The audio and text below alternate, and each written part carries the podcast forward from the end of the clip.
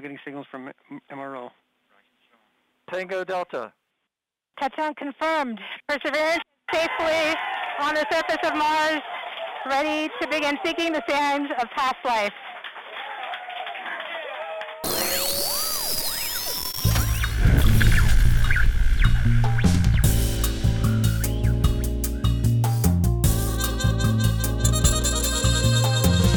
Zeepkast. Opgenomen zaterdag 20 februari 2021. Welkom allemaal bij aflevering 74 van de Zeepkast. Jouw bron voor al je science, technology en popculture nieuws. Tegenover mij is David. En tegenover mij zit Sander. Hoe is die David? Eh, ja, prima. Hoe is die met jou? Goed, ja, ik moet een beetje snel praten, want we zitten op een avondklok. Dus we moeten een beetje tempo erop houden, want we moeten op tijd thuis zijn. Ja. anders wordt mama boos. Dus we gaan de hele aflevering gaan we in 1.2 speed gaan we opnemen. Oh. nee hoor. Nee, ja, het is een beetje gek. We zitten hier op locatie waar we altijd opnemen. En eh, het is nu eh 7 uur. Maar we moeten ook om 9 uur thuis zijn. Dus we hebben eigenlijk volgens mij nog nooit opgenomen onder tijdsdruk, hè? Nee, ik Nee, denk het niet. Ik ben benieuwd of Meest- me- eh, meestal doen we gewoon chill en zo. En denken van, Nou, oh ja, dit knippen we eruit. En dat soort dingen. Duurt Loopt- 6 uur. Ja, Sander loopt weer een half uur eh, te lullen. En van, ah, dat knip ik er toch uit. En nee, zo jammer. is jammer. Hè? Ja. Ik, ik zat eerst te denken, dus je hebt niet die, die nieuwe app. Ehm, ik, ik ben telkens de naam kwijt. Help me even daar. Clubhouse. Clubhouse, ja. Van, joh, kunnen we niet gewoon Clubhouse aanzetten ernaast en dan live mensen Daar- laten meeluisteren of zo? Daar hebben mensen het, eh, het wel eens over. hè, Dat Clubhouse misschien wel een eh, alternatief wordt voor podcast. Ik Ja. ben het daar niet per se mee eens hoor. Maar dus, eh, ik zag al mensen die dat al doen. En, eh, Ja, ik, ik had erover nagedacht, maar ik... wat is Clubhouse überhaupt? Clubhouse. Clubhouse. We be clubbing. Nee, Clubhouse is een, eh, een appje dat het helemaal is. Dat is helemaal hip. Dat is, het is voor mij komt uit Duitsland. En er zit heel veel capital zit erachter. Weet ik niet het zeker. Duits? Is, ik dacht dat het gewoon weer zo'n Silicon Valley zooi was. Ik, ga- heb geen idee hoor. Ik heb echt geen flauw idee. Ik ga gewoon even, even, eh, even we hebben geen tijd. the Goen ga We ik eh, ondertussen. We hebben geen tijd man. Let's Hoor je niet wat ik zeg? Duck ik heb hem ook als standaard zoekmachine ingesteld. Joh, welcome to the, to the rest of us. Nee, ik doe dat echt al. ik doe dat echt al vijf jaar of zo. Ja, I know, I know. Ja. Ik vind het wel wennen, man, DuckDuckGo. Ik, eh, ik heb hem ook al een poosje als, als zoekmachine. Ja. Maar eh, ik vind het... Wat als zoekmachine? Ja. ja, Maar wat dat nog is meer wat dan? het doet, toch? Ja. Ja? Nou ja, dat. En ik merk dat ik wel heel erg gewend ben aan, ehm, aan, aan gepersonaliseerde zoekresultaten. Dat ik die nu enigszins mis, maar dat ik van mezelf ook ervan af moet kicken. Want het is helemaal niet goed dat dat zo gepersonaliseerd wordt. Dat iemand zoveel van mij weet. Heb, heb je daar een voorbeeld van? Dat wat een, eh, een ge- gepersonaliseerde zoekresult is ten opzichte van niet gepersonaliseerd? Nee, heb ik niet gedaan, want ik heb het niet voorbereid. Eh, het enige is, ja, als ik bijvoorbeeld naar... Ik had laatst, ben ik even aan het kijken voor een nieuwe iPhone en tik ik snel, hè, want ik ga niet meer naar apple.nl. Ik ga dan naar mijn zoekmachine en dan tik Ja. ik in Apple en dan klik ik de eerste link aan. En dan kom ik ja. op apple.com. Ja, maar je hebt die, je hebt die schakelaar, hè, dat hij naar Nederlands gaat. Op de Apple-website bedoel je? Of, eh? Nee, nee, op DuckDuckGo. DuckDuckGo, dan kan je zeggen, eh, zoek alleen in Nederland of, eh, of niet. Volgens mij heb je trouwens helemaal gelijk. Het is helemaal niet uit Duitsland. Ik weet ook niet hoe Hoe kom je daar nou weer Ik heb bij? geen idee. Ik heb geen idee. Ik zie wel dat, eh, dat Kanye West eh, hè, Oh god. misschien eentje ging doen met Elon Musk. En, nee, het komt helemaal niet uit Duitsland. Het is gewoon weer zo'n Silicon Valley... gewoon- ja, eens. Maar zijn- anyway, wat is We zijn wat aan Clubhouse? het af, afdwalen. Clubhouse is een soort on-demand... nou, nee. In tijden van corona, ik denk dat ze ook wel de, de perfect wave hebben om, om, om te Ja. riden, zeg maar. Ja, Dus mensen hebben, hebben behoefte aan het goede gesprek. Eh, om met elkaar in contact te komen en weer Mhm. gewoon een beetje te kunnen lullen met elkaar. Zoals je dat vroeger in de kroeg deed. En Ja. nou ja, de- Ja, ja, Als, je, als je vaak met dezelfde persoon praat, dus je bent met, met één of twee personen in huishouden, heb je vaak dezelfde gesprekken. Het is fijn Oh, om zo, met iemand anders ergens anders een gesprek over Nee, te ik, ik dacht even aan iets anders. Ik kwam toevallig eh, een paar dagen geleden een website tegen. Mhm. Gewoon super simpel. eh, met wat sliders en playknoppen om de ambiance van een eh, café na te bootsen. Dus dan had je een slider voor eh, stadsgeluiden, een slider voor de, bar- de barman is bezig, een slider voor eh, dus het is druk in een café of niet, weet je, dat soort dingen. Wow, dat Ja. is vet. Ja, Ja, Super stom. Maar anyway, ga super verder. slim. Ja. Nee, Clubhouse. Mensen hebben behoefte aan een goed gesprek. En wat Clubhouse eigenlijk doet, het is echt weer zo'n idee dat je denkt, nou, dat had ik ook kunnen bedenken. Heb het niet gedaan, anders was het nu heel rijk geweest. Maar ehm, je kunt een room starten en mensen kunnen daarin komen. Dus heel simplistisch, ziet het eruit met icoontjes. En je, ik baal wel een beetje dat ik dit nu aan het uitleggen ben. Dit is echt al Hoezo? bij M en de wereld uit door. En maar ik kijk dat allemaal niet. Precies. Ik, Eh, ik, ik, ik kijk het niet. Welcome ik- to the ja. rest of us, David. Ja. Nee. Eh, dus je ziet icoontjes met, met foto's en mensen kunnen een room joinen. En op het moment dat jij mijn room joint, eh, hè, dus ik maak een room aan en ik noem hem Mhm. Eh, de, de, de, de zaterdagavond late night. eh, Dat is toch borrel. gewoon de, de oude IRC-chat-channels, maar dan met geluid? Ja, het enige verschil is je komt binnen als luisteraar en iemand anders moet jou eh, host maken. Oh, oké. Dus je bent wel, als je de, de, de room aanmaakt, ben jij de moderator als Ja. Die, Ja, en dan, hè, dus we zouden hem nu bijvoorbeeld aan kunnen zetten. Dan zou ik jou medespreker maken. Mhm. En dan zou iedereen zien eh, de zeepkast live opnames. En die zou erop kunnen drukken. Die kan niet Ja. terugspoelen. Dus het kan zijn dat ze nu in het gesprek komen. Ja. Dan, eh, ja, dan En kunnen het- we wordt, het, wordt het opgeslagen, dat gesprek? Of het is voor- gewoon... volgens mij niet hoor, maar het is ephemeral, zeg maar. eh. het, het, het is vergankelijk. ja, precies. ja, Mooi woord. ja. Dus eh, ik, ik zag wel kans voor de zeepkast. Hè. Ik weet dat... Ja? Ik heb daar dus echt mijn vraagtekens over. nou ja, daarom zeg ik, ik ben er nog niet helemaal uit. En daarom heb ik het ook niet gedaan. Maar ik kan me wel voorstellen dat je dat gewoon... En Het dat is- hoeft het is niet iets altijd, ander- maar ja. dat je dat een keer aanzet en dat Ja. je kijkt of mensen... Maar het is heel gek, want je kunt ook niet op mensen reageren. Ze kunnen alleen maar meeluisteren. ja. Maar je kan wel dan aanwijzen van, oh, die mag nu opeens wat zeggen. Of zo. Je, je zou wel een soort van, van, van pre-show en, en, en, en, aftershow kunnen doen. Hè? Dus dat je iedereen Ja. laat meeluisteren en dat je pre-show vragen neemt. Mensen kunnen een handje opsteken of die kunnen hè, een- vraag stellen. Handje opsteken. Ehm, Ja. en, en daarna, dus zoiets zou je kunnen doen. En eh, er zijn hele is- podcasts die doen dat ook al. Hè? Maar je moet het dan eigenlijk eh, zelf opnemen. Want kijk, het ding met podcast, wat, Mhm. wat het voordeel, laat ik maar zeggen, van een podcast is, is één, het, het is dus eh, opgenomen, maar iedereen kan het gewoon wanneer die wil, van Ja. begin tot eind eh, eh, on luisteren. On demand. En nog, ja, en nog belangrijker, je kan tussendoor pauzeren en een andere dag weer verder gaan. Of zo. Ja, of op nee, een eens. moment. Eens. Dat, dat biedt klap. Daarom leent het zich misschien ook niet heel goed voor, eh, voor live podcasting. Waarin je eh, misschien even wil nadenken over dingen of waarin je... eh, Ja, jouw ja- autorit duurt altijd een half uur, maar die Ja. opnames die zijn altijd drie kwartier. Dus jij doet altijd een half uur luisteren en dan op de terugweg zet je nog een kwartiertje aan. ja. Dat gaat niet met. Clubhouse. Maar wat, wat dus wel kan, is eigenlijk wat bijvoorbeeld ATP eh, eh, vaak doet. De, die Mhm. podcast van Marco Arment en nog twee gasten, John Syracuse, Casey Liss. Die, hebben, die nemen een podcast altijd live op.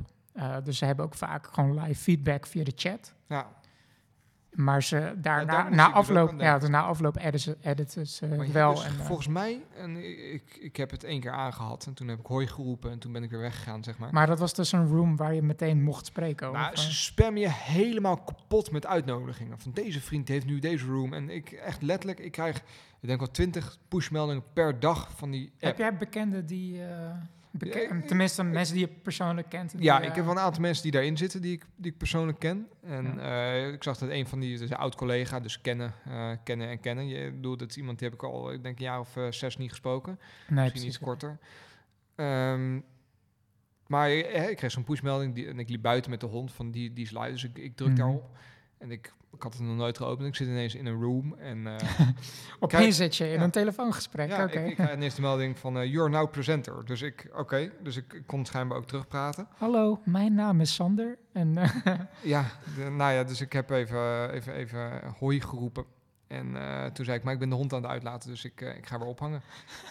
ja, dat is mijn ervaring met, eh, met Clubhouse. ja, jij, hebt mij, jij hebt mij een invite gestuurd. Ik heb het nog niet gedownload. Of, eh, Nee, ja, ik dacht, die, die shit die is nu hip en happening. Ja, en het is een invite- invite systeem. in- ja. En dat doet een beetje terugdenken aan de early days van een eh, Gmail, weet je wel. Dat je eh, niet iedereen mocht een Gmail-account aanmaken. ja, ja, ja. ja, ja.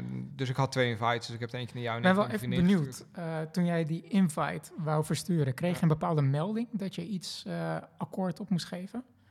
Want ik hoorde wel een interessante discussie bij ATP dus ook Ja. over eh, dat schijnbaar als je dus een invite stuurt, dat je dus akkoord geeft dat Clubhouse jouw hele adresboek mag eh, opslurpen.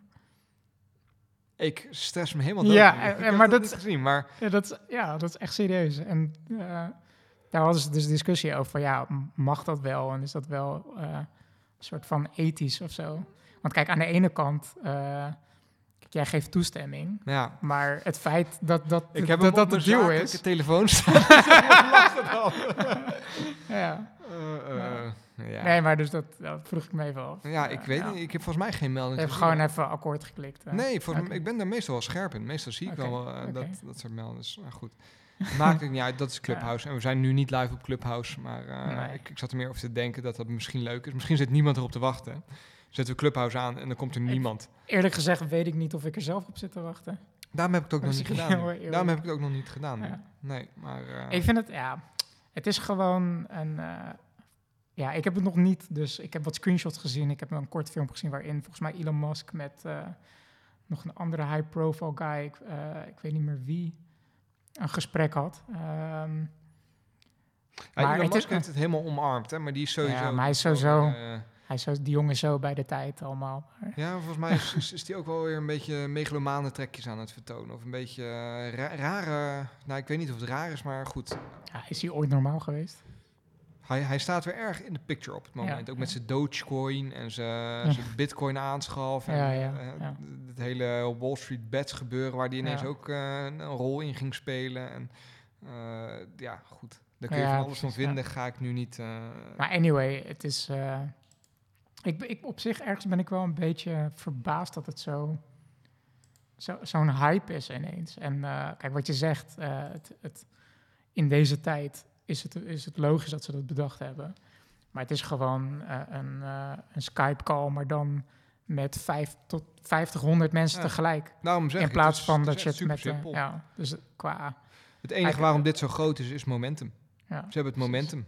Uh, Ja. Mensen vinden het leuk, die installeren dat. En ik vond het op zich ook wel, ik vind het idee wel leuk, wel Ja. aardig. Als er Heb- nou interessante rooms openen. Ik zou het best wel leuk. Ik heb. Ik wou je net vragen, want je zegt van je hebt net bij iemand, eh tenminste net, je hebt een keer bij iemand hooi gezegd, maar heb je ook wel eens een interessant gesprek gehoord? Nee, dat is de enige eh, keer dat ik de open heb gehad. Ik heb wel. ehm, Maar hoe groot, dan denk ik meteen ik zag ook wel van... hè, dat, dat Ma- Marks Brownlee van die. ja, ja, eh, ja, ja. Die, die had op een MKHP, gegeven moment- die, die, die, die had zo'n een- zo'n zo'n room open. En toen dacht ik van ja, dat lijkt me op zich wel interessant. Om een keer een gesprek van hem te horen. Met, Hij heeft bijvoorbeeld best wel high-profile mensen vaak in zijn, Ja. in zijn show. Hè. Dus een keer met eh, Elon Musk. Hij is eh goede vriendjes met Elon, heb ik eens het idee.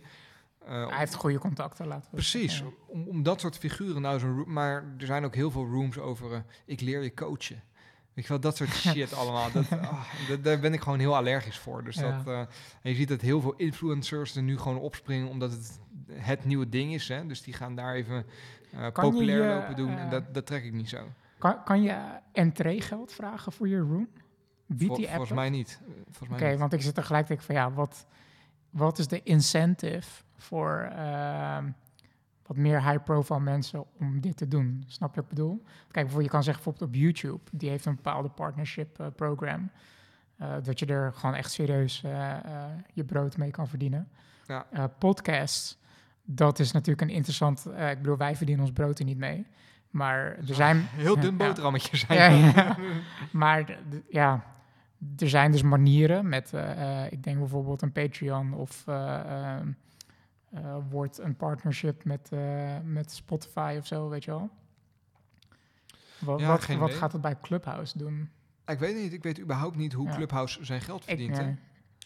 Nee, nee, maar Ja, goed. dat, door, door jouw contactenlijst op te sleuren. ja, ja, ja, precies. Ja, maar kijk, dat is dan weer ook een ander ding. Dat het gewoon, eh, gewoon al heel lang super hip is om Data grabs. nou, kapitaal te burnen, zeg maar, eh, zonder nog maar iets, iets te gaan verdienen, zeg maar. Er zijn zoveel voorbeelden van, van eh, platforms die zijn gestart. Daar wordt gewoon miljoenen in, in gegooid Nou ja, en vervolgens wordt het niks. Als, als start-up kies je er op een gegeven moment voor om winst te gaan maken. Je blijft gewoon Ja. goede, goede burnen, burnen, burnen. eh, Ja. en Tot je op een gegeven moment denkt, nou, nu is het wel mooi geweest. We gaan nu ook eens wat geld verdienen. Dat Amazon die steekt nog steeds het meeste van zijn geld in, eh in, in, in, in Ja, scaling. oh zo, ja, ja, ja. Maar cool, Clubhouse. Ja, sorry. Ik zat, eh, het is voor mij niet altijd goed om een laptop voor mijn neus te hebben als we opnemen. Maar ik zat even te kijken hoe ze geld dan weg. verdienen, maar ik ben Ja, er nog niet achter.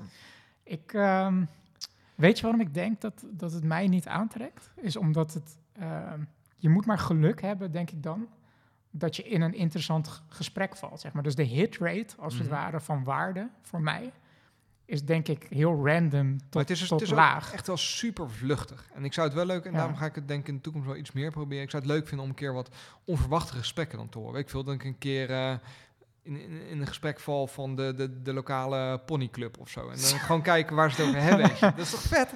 Jij bent gewoon een lurker, jij. Gewoon Ik vind dat echt heerlijk, Een lurker to the max. Ja, eh, 100 procent. Ik, Ja. eh, ik, ik post nooit ergens. Ik vind het altijd leuk om gewoon dingen een beetje mee te krijgen dan. En eh, mijn horizon te verbreden.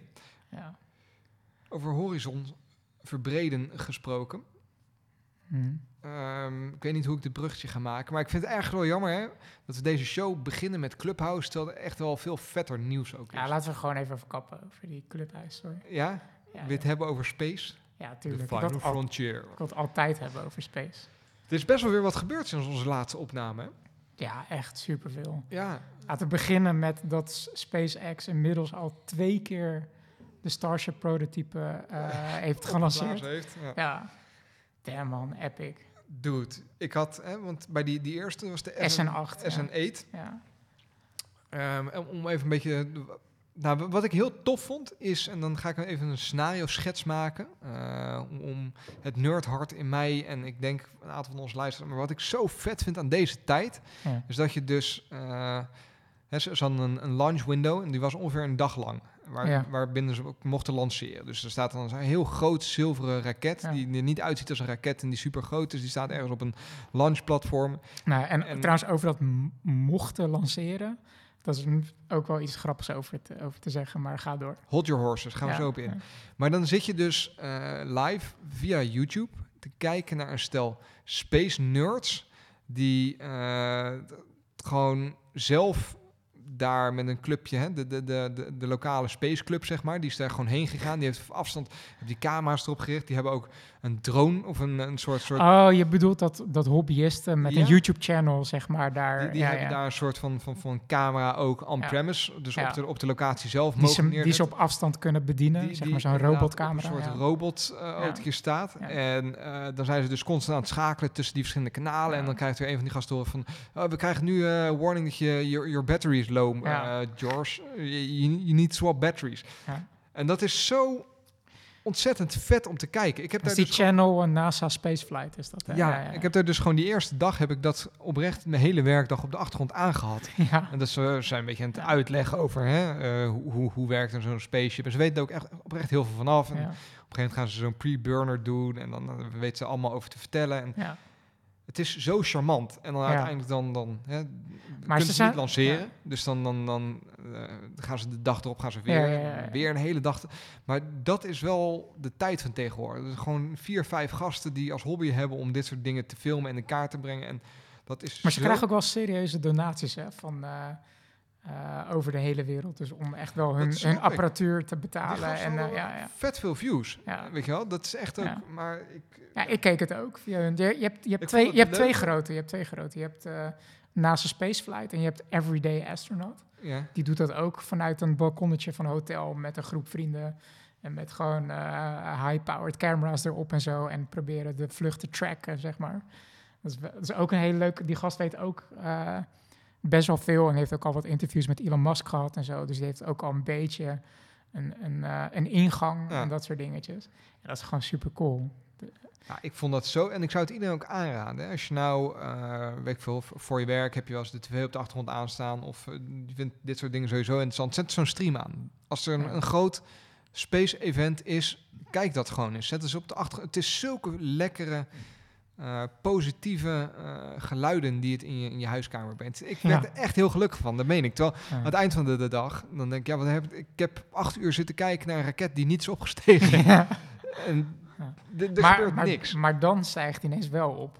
Tenminste, ineens. Ik vond het zo epic. Hè? Dus. Ze hebben dat. Nou, Ja, ik stond echt te juichen. Maar bij SN8, dus dat is, dat is de eerste die echt eh, tot 2,5 kilometer Ja. hoogte... Waren een aantal eh, soort van milestones. Ten eerste Dat hij dus tot 2,5 kilometer eh, vloog. En normaal waren het gewoon van die hops, 150 meter, weet je wel. En dan de belly flap De manoeuvre. belly flap. Ja. Dus, en dat is gewoon bizar. Dat, dat je, moet je even beseffen, dat een flat gebouw van 12 verdiepingen, van loodrecht omhoog, een belly flap doet, dat hij op zijn zij gaat als een soort zweefvlieger, eh, eh, aerodynamisch naar beneden Kilometers in de valt, lucht, hè? zeg maar. En dan weer zijn motors ignite om weer rechtop te staan en dan te landen. Tenminste, dat is het doel. Dat is crazy. Het, het feit alleen al dat zo'n gevaarte eh, van de grond afkomt en dan ook nog die manoeuvre, man- manoeuvre doet. Dan helaas op het einde. eh, Daar, daar ergerde ik me wel een beetje aan. Hè? Dat je dan alle mainstream media eh, massaal nieuwskoppen hebben van eh, SpaceX blaast raket op. ja, feitelijk waar, but that's not the point. Weet je? Van, Nee, precies. Ja. De, de point is, SpaceX die heeft als doel om Ja. een fucking flatgebouw van 12 verdiepingen hoog kilometers de lucht in te schieten, Ja. op zijn zij te laten vallen en weer recht naar Ja. beneden te krijgen. En als die ook landt, is dat mooi meegenomen. Zo ja, ook ja, ja, ja, letterlijk. En vervolgens ontploft dat ding. Nou, super vet. Dat noemen ze overigens geen ontploffen in Rut. rapid, Rapid- unplanned dismemberment. Of di- Dismemberment, ja. Disassembly. Ra- Rap, Disassembly. rapid unscheduled disassembly. Ehm, En dan, dan zie je weer hoe erg clickbait-titels dan... Ja. Dat, dat je jezelf als media nog serieus kan nemen als je dat nodig hebt voor kliks. Dat vind ik toch erg sneu. Ja, of, ja, of het is gewoon een redacteur die het gewoon net niet, net niet get of zo. Ja, maar dat is nog Ja, veel triester dan, toch? Dat Ja. je zo'n grote ja, gebeurtenis hebt en dat je er iemand over laat schrijven die niet echt weet wat er aan de hand is. Ja. Maar tot twee keer toe, hè? Bij die SN9 was het... Ja. Ja, kijk, het- ik had ook liever een eh, headlines gezien van de SpaceX-test succesvol tot 90% of zo. Ja. Alleen nog even landen. En blows Ja. the fuck up. Prima als je het zo doet, maar... Maar het is wel, wel crazy, hè? Want eh, eh, gewoon het, het feit alleen al dat het idee dat, dat, dat die bellyflap manoeuvre, en manoeuvre, zeg maar, dat dat werkt, dat vind ik echt bizar. Dat vind ik echt insane. Want er zitten... Even, even tussen, ik zit dat Ja. nu te denken. Wat, wat is eigenlijk normaal gesproken een belly flap? Ik heb echt een soort idee dat een hele dikke man even op zijn buik slaat of zo. een keer. Nee. Zo. wat, wat ik denk, waar, ik aan denk bij een bellyflap, is dat iemand gewoon zo, zo uitgestrekt zo in een zwembad springt of zo, weet je wel? Een soort van, eh, Het is een beetje een plat raar of zo. Belly flap. ja, van salto of zo is het. Maar het is niet echt een salto, want hij maakt niet een soort van 360 graden cirkel. Sorry. Maar, maar eh, ehm, kijk, eh, misschien om even uit te zoomen, die, dat, die hele Starship-program is wel echt de meest ambitieuze eh, raketprogramma eh, ever misschien wel. Eh, want Tot ze, nog toe. Ja, Ja. want ze willen dus eh, eh, een volledig reusable eh, eh, ruimteschip maken. Dus zowel de first stage, Mhm. Eh, die, die eigenlijk de initiële boost geeft, tot aan de second stage. Die moeten allebei kunnen landen. Kijk, als je bijvoorbeeld kijkt naar Falcon 9, de, de, de, de first stage, die kan landen op een drone ship Ja. of op, eh, op een landing site. Maar het stukje daarna, eh, die ben je in principe kwijt. Iedere, je- iedere lancering. ja, die kan je niet terughalen. Ze, ze, ze, ze vangen tegenwoordig wel steeds vaker de fairings. Dus dat zijn eigenlijk de, de, de kleppen, zeg maar, waar de payload in zit. Dat zijn twee helften Mhm. die dan schijnen losschieten. super duur te zijn, Ja, dat is echt een soort van miljoen per stuk. Om te, dus ik snap dat Elon denkt van laten we die Ja. opvangen en Ja. nog een keer gebruiken. Elon let wel op de centjes. Ja, precies. Dus, eh, maar goed, eh, het, nog nooit heeft iemand echt een volledige stack, zeg maar, eh En stack doe je dan de first stage, second Ja. stage payload. Ja, ja, Ja. precies, om dat reusable te maken. Dus dat is vet ambitieus. En eh, gewoon het feit dat nu met deze test in principe het concept eh, realistisch is geworden, Ja. vind ik gewoon crazy. Maar het wordt, het wordt nog gestoorder, want ze, ze lanceren dus nu dus eigenlijk constant de second stage. Dus dat is het, dat is het Ja. deel wat normaal op nog een booster staat. Precies. Dus die komt eigenlijk This nog... is just the tip. Ja, het is just a tip, weet je. Inderdaad, zomaar. Maar dus hij, hij, ze hebben hem nu getest vanaf 2,5 kilometer. Maar het is uiteindelijk de bedoeling dat hij vanuit de ruimte de dampkring ingaat. Dus ehm, ik weet niet of je dat is opgevallen, maar ze zijn al een paar van die hitte tegeltjes op Ja, die aan het erop, plaatsen. ja. En je ziet dat bij elk model, want ze gaan nu tot en met eh, SN17 of zo is het idee. Gaan ze steeds meer van die tegeltjes erop plaatsen om dat te testen. Omdat die uiteindelijk van een veel grotere hoogte Wat veel meer ze- hitte gaat opwekken. En, eh, Wat kunnen eh, ze zien aan die tegels dan? Die kunnen, daar kunnen ze aan zien hoe eh, de Starship moet- zich verhoudt in de hitte of zo. ja, die moet op een gegeven moment de wrijving, als die de dampkring weer inkomt, Eh, die moet dat allemaal opvangen. Dat is eigenlijk hetzelfde wat de Space Shuttle eh, deed hè, in de jaren 90. Die had ook allemaal tegeltjes eh, aan de onderkant, die hele zwarte onderkant. Dat is hoe de, Ja. hoe de shuttle en straks dus ook Starship tegen de dampkring aan gaat afremmen, ja. als het ware. En dat, was, en dat vind ik dan ergens ook wel een beetje creepy, want tegeltjes, dat zijn gewoon echt van die losse stukken. En dat is bij de shuttle een keer funest geweest, dat zo'n eh, tegel bij de lancering eh, los is gekomen. Ja. En dat die bij re-entry, ik weet niet meer welke, volgens mij was het Columbia of zo, Ja. die dan bij re-entry eh miste die dus een tegel en dus was niet het hele schip gedekt. Dus die is tij- tijdens re-entry gewoon letterlijk opgebrand met inzittenden. ja, dat is pech. Ja, dat, dat, is, dat, is, ja, dat is verschrikkelijk. Ja. Weet je, dus dat vind ik dan wel. Nou, dan hoop ik dat, dat daarin.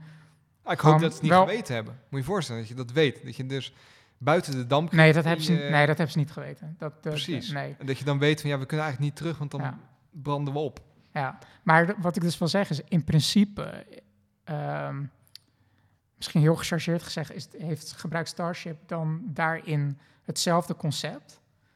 Eh, want eigenlijk, eh, de Space Shuttle, die, dat is eigenlijk, kan je ook zien als een soort van second stage die reusable was. Die was reusable. Ja. ja, alleen de first stage was niet reusable. Dus de, de grote, eh, iconische oranje tank met, Ja. met twee sideboosters aan, die, die eh, ehm, werden steeds eh, losgelaten tijdens het vertrekken. En dus de, de, de Space Shuttle, die landt eigenlijk ook soort van op een, op een hoek, zeg maar, richting de dampkring. En uiteindelijk landt hij als een vliegtuig. Nu gaat Starship, die gaat dan iets verder door tijdens het landen dan weer rechtop te staan. Maar met die hitteschild en zo, Mhm. dat is in principe hetzelfde idee. Nu weet ik niet wat voor verdere ontwikkelingen ze hebben gedaan met hoe ze de tegels bevestigen en van wat voor materiaal ze zijn Maar gemaakt. Als je, idee. als je nu SN eh 8 en 9 dan nu Ja. ziet, hoeveel hoger gaat hij nog worden? Als we zeggen, hij is nu Ja. 12 verdiepingen hoog. Echt vet hoog. Want de, de first stage, die gaan ze binnenkort ook eh, testen. Die wordt nu al gestakt in de high bay. Dus er wordt on-site, is er gewoon een grote... bij- die wordt hangar. gestekt in de high bay on-site. Ja. Kom op, space termen. Nee, Ja, nee. ja, nee, oké. Ja. Maar dat is de, dat is de eh, want je hebt de Starship en die komt dus op ehm, de Super Heavy Booster, SHB.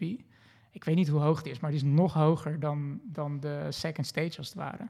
Dus dat is super ingewikkeld, want ten eerste moeten ze strak, daar zijn ze nu ook mee bezig, om een toren te bedenken die dus de Starship op de, eh, de booster kan hijsen als het ware.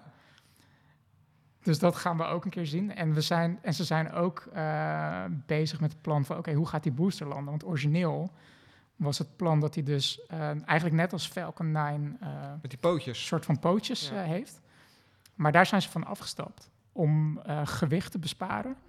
Dus wa- wat ze nu van plan zijn, is Ja. dat ze gaan hem vangen. Oh, daar heb ik iets over gehoord. Ja, ja, dus de... de, Met een groot net. eh. Nee, nee, nee, nee, nee, Oh. nee, nee, dat zou echt niet kunnen. Is dat dan, is dat dan de, de Australische space... de- Er is ergens een partij die is bezig met helikopters shit op ja, dat is. Electron in eh, Nieuw-Zeeland. Nieuw-Zeeland, dat was het, ja. gaat een, Dan ben ik daarmee aan de war. ja, ja, maar dat is die, die Electron, dat is echt een veel kleinere raket vergeleken Ja, met... dat- eh, Elon vindt dat gewoon schattig waarschijnlijk. Ja. Maar eh, ja, ja. Neemt niet weg dat het fucking vet is. Dat, dat Nieuw-Zeeland of all places gewoon een ook space gewoon een space program heeft. Ik, dat vind ik ook gewoon bizar. Maar anyway, eh, de, dus de launch tower, die heeft straks als het ware ook een soort van twee armen. Mhm. Die de, waar de heavy booster als het ware Gaan op gaat landen, zeg maar. Want je, eh, ik weet niet of je, als je nu naar de Falcon 9 kijkt, dan heeft hij aan de bovenkant, als hij teruggaat, heeft hij vier van die. ehm, ja, het ziet er bijna uit als een soort van tennis rackets. Dat zijn van die titanium. Ja, ja, ja, Vleugels en daar stuurt hij mee. Dat heeft eh, de Heavy Booster ook, maar dan veel groter. En daarop gaan die twee armen van de launch tower de Heavy Booster op soort van vangen. Daar gaat hij op leunen als het ware, als hij terugkomt. Gestoord. Ja, dat is wel gek. Ja, Helemaal crazy. ja, super vet. ja. Wanneer, wanneer is, hè, is, is al, wat, wat is nu vanuit SpaceX het volgende eh, big moment to watch, zeg maar? Nou ja, ik hoop dat eh, SN10 eh, de, de 12 kilometer jump kan doen en ook gaat landen. Want dat is het ding, wat met SN8 mislukte de landing, omdat er was een drukverlies in de Mhm. header tank. Mhm. En in feite is de, tank is de bovenste tank dan. eh, ja, er zit, eh, ehm, ja, er zit in het, je hebt zeg maar gewoon de grote tank. ja. Ehm, Dus waar gewoon alle liquid nitrogen in zit. Die ze, Ja, het zijn eigenlijk twee stoffen, dus het zijn twee aparte tanks. Ja. En dan heb je nog twee kleinere tanks voor de, voor de landing. En dat zijn twee soort van bollen, als het ware, ja. waar, waar vloeistof in zit. En de reden waarom ze dat doen, is wanneer, die, wanneer de Starship horizontaal valt, Mhm. dan ehm, kan de vloeistof uit de grote tanks, die kan dan niet naar de motoren, want het gaat via zwaartekracht als het ware. Ja. Snap je? Dus dan hebben ze twee kleinere tanks waarbij de opening voor de vloeistof, zeg maar, als, als de Starship rechtop staat, Ja. zit de opening aan de zijkant. Dus wanneer die horizontaal valt, Ja. zit de, zit, de, zit de opening aan de onderkant. Zodat de vloeistof alsnog eruit kan komen. Alleen er zat niet genoeg druk in, zodat dat de vloeistof niet snel genoeg naar de, naar de Ja, motoren dus, kan. dus ze konden geen gas geven om hem weer recht te zetten, zeg maar. eh. Ja, een van die motoren had gewoon niet genoeg, kreeg gewoon niet, niet genoeg brandstof Ah. binnen. Dus eh, die, die frat zichzelf ook van binnenuit op. Eh, vandaar dat je een groene vlam kreeg. Dus dat hebben ze opgelost bij SN9. Dat was een soort van tijdelijke fix. Van, het was letterlijk zo van, oké, dit is geen ideale oplossing. We moeten nog een betere oplossing bedenken, maar voorlopig doen we het zo. Hebben ze daar... eh, Fuck it, it works. ja, precies. Hebben ze er nog eh, eh, extra helium in gepompt. Dat is zwaar. Eh, een soort gas. Ja, dat ligt Om dan de- ja, dat precies, om dan de eh, vloeistof naar ja, beneden te duwen, als het extra, ja. Ja, Ja, vet. ja en, maar SN9 is ook ontploft. En toen, dat vond ik wel grappig. En dat vind ik ook gewoon zo bizar aan hoe, hoe Elon Musk ook opereert. Want ik kan me echt zo voorstellen dat hij wel... eh, hij is ook nog steeds een soort van chief engineer bij SpaceX. Mhm. En hij bemoeit zich er volgens mij gewoon heel veel mee. En dan zit hij gewoon letterlijk met mensen op Twitter een beetje te discussiëren van hoe ze het zouden kunnen oplossen. Weet. Dan gaan mensen allemaal suggesties sturen van, kunnen jullie niet dit proberen? Er zat letterlijk iemand op Twitter van, ja, jullie, jullie starten twee motoren. Ja. Eh, maar eentje die, die failde en we weten nog niet waarom. Waarom start je ze niet alle drie en kijk je eh, welke het doen en dan, dan ehm, sluit je er eentje af? Op zich logisch, dan Ja. heb je een reserve. ja, precies. Dus ja. Elon Musk die twittert dan terug van ja, we zijn fucking dom. Dat moeten we inderdaad doen. dus nu gaan ze waarschijnlijk. Eh, ja, je weet niet wat er nu in de, in de be alive, Ja. jongens. Dit, dit, dit Ja. is toch te bizar voor woorden. Dat je gewoon, maar ik blijf het zeggen, maar ik, ik vind het gewoon belangrijk om af en toe te benadrukken in wat voor een bizarre tijd we leven. Ja. Dat we gewoon hè, nog steeds miljardairs hebben met eigen space programs die op Twitter aan het discussiëren zijn en daar oplossingen vinden voor problemen voor het afschieten van hun enorme raketten. Dat Ja, is het is echt echt slaat helemaal nergens op. Crazy. Ja, ja het, het, het is gewoon...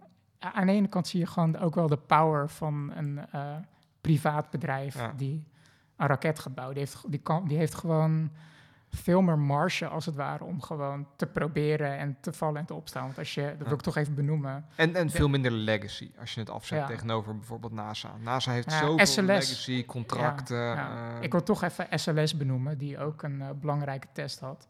Die wilde een van hun... wie is SLS?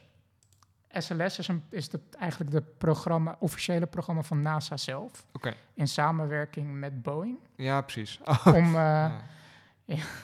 om een... eh, eh, ja, eigenlijk... Het is onderdeel van de Artemis-program Ja. om dus NASA-astronauten naar de, Naar de, de maan te brengen en een maanbasis te bouwen, en de, Hm. de, de gateway te bouwen, een, een- eigenlijk een space station permanent rond de maan. Ja. En eh, ja, daar bouwen ze nu de SLS voor, de Space Launch System. Mhm. En die lijkt in concept heel erg op eh, wat ze met de Space Shuttle hebben gedaan. Alleen dan in plaats van echt een, een shuttle die op een vliegtuig lijkt op de zijkant, gewoon een traditionele eh, capsule erop. Mhm.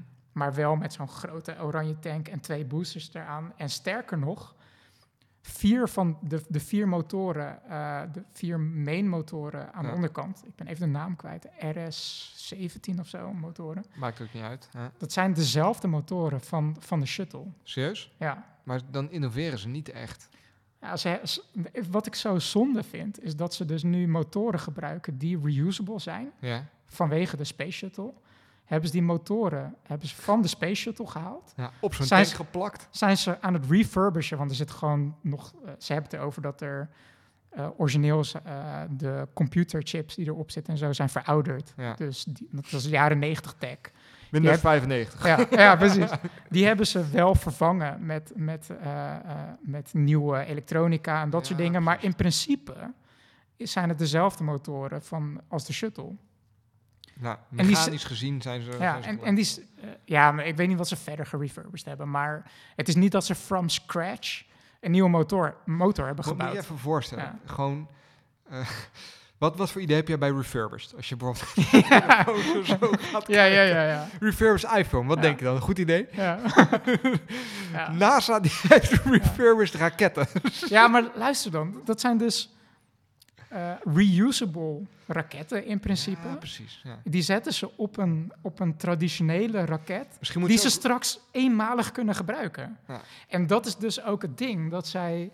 ehm, die test die ze dus gedaan hebben, ze hebben een static fire test gedaan. De bedoeling was om die. Stilstaan en gas geven. Ja, en zes minuten lang, dat zou ongeveer dezelfde. Ze zouden ongeveer dezelfde eh, programma als het ware aflopen als dit, dat hij daadwerkelijk zou Mhm. lanceren. Alleen dan is hij gewoon enorm vastgeklemd, zodat Ja. hij niet echt, echt vertrekt, zeg maar. Hold! Ja. Hold! Ja. Dat ding is na een minuut is die afgesloten, omdat de, computer, de computers aan boord die, die maten aantal eh, parameters waar ze nerveus van werden. Dus. Ja. En dat snap ik, want als dat ding ontploft, het is niet alsof je er nog één hebt liggen of Nee. zo. Weet je, deze raket die ze aan het testen zijn, dat moet ook echt daadwerkelijk de raket zijn die eigenlijk vorig jaar en eigenlijk vier jaar geleden al had moeten lanceren. Weet je, dus Maar- dat ding kost al miljard. Het heeft inmiddels al 2 miljard gekost. Is het dan niet gewoon ook een soort prestige project ondertussen geworden? Bedoel, Nou hebben, ja. ze oprecht nog de illusie dat dit ding een rol gaat spelen in toekomstige spaceflight? Nou, de grap is dat ze de, links en rechts ingehaald worden door echt, echt Ja. veel betere, eh, goedkopere technieken. Nou ja, de, de, de, de ex-NASA-director Jim Bridenstine, die, Ja. de, die eh, omdat Trump is verdwenen, hij dus eigenlijk ook verdwenen is, zeg maar. Hij, hij was wel oké, hij, Hij was, super oké, pro, ja, eh, pro we gaan eerst naar de maan en eh, ja. Ja, die was eh, in het begin ook soort van eh, eh, super, ook enthousiast over SpaceX. En hij, Mhm. hij zei in de media van, ja, we gaan kijken. Eh, hij was gewoon zo pro het idee van competitie binnen, Ja, binnen Space. Dat zag je ook, hè? Want, ja. want het programma waar je het net over hebt, eh, eh, daar, daar heb ik een keer die aanbesteding van gelezen. Hoe zij hun geld verdelen. En dan zie je dat er ja, best met wel, de Artemis. precies, ja, er zitten best wel een hoop verschillende... Ja, Blue, Origin doet ook Blue mee. Origin en, sta- staat erin. en dus ook wel met serieuze bedragen. Waar je voorheen zag dat gewoon hè, NASA een zak met geld en Boeing gaf. Altijd. Ja. dan kreeg je van Maar, die ja, refurbished raketten.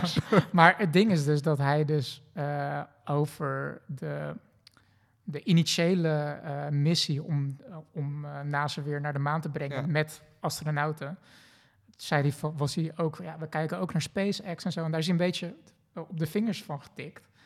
En sindsdien praat hij alleen maar nog over, praten die alleen maar nog over SLS. En dat SLS het platform zou moeten zijn die dat voor elkaar gaat brengen.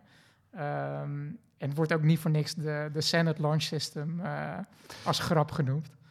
Van, je wat? het is gewoon, gewoon Congress die er 2 miljard in heeft gegooid. En het heeft enorm veel banen gecreëerd natuurlijk ook. Maar het is wel Eigenlijk echt een money SpaceX pit weer. gewoon buiten het publiek om nu een launch moeten doen. Een fucking Model 3 op de dark side of the moon te zetten. zodat, en dan niks zeggen. En dan drie jaar later, dan komt, eh, dan komt NASA daar aan. En dan zien ze die fucking auto al staan. En dan is het, Ja. Fuck you Ja. guys. Ja. Dat zou Nee, dan- maar kijk, uiteindelijk... Kijk, ik hoop gewoon dat iedereen succeed. En ik wil Ja. ook gewoon dat SLS ook gewoon een succes wordt. Gewoon puur alleen al voor al die mensen die er gewoon al tien jaar, letterlijk tien jaar Ja. aan werken. Ja, dat, it- it just has to work. En, en er zijn geen... good Nee, or bad guys of zo, weet je. Maar het is gewoon irritant dat er... All your eggs in the same basket. Dan werk je tien jaar aan een programma en heb je één raket. Ja. En als dat ding opblaast, dan ben je gewoon done. Ja. Maar in de basis is het gewoon inderdaad een, gewoon zo'n, ehm, hoe zeg je dat?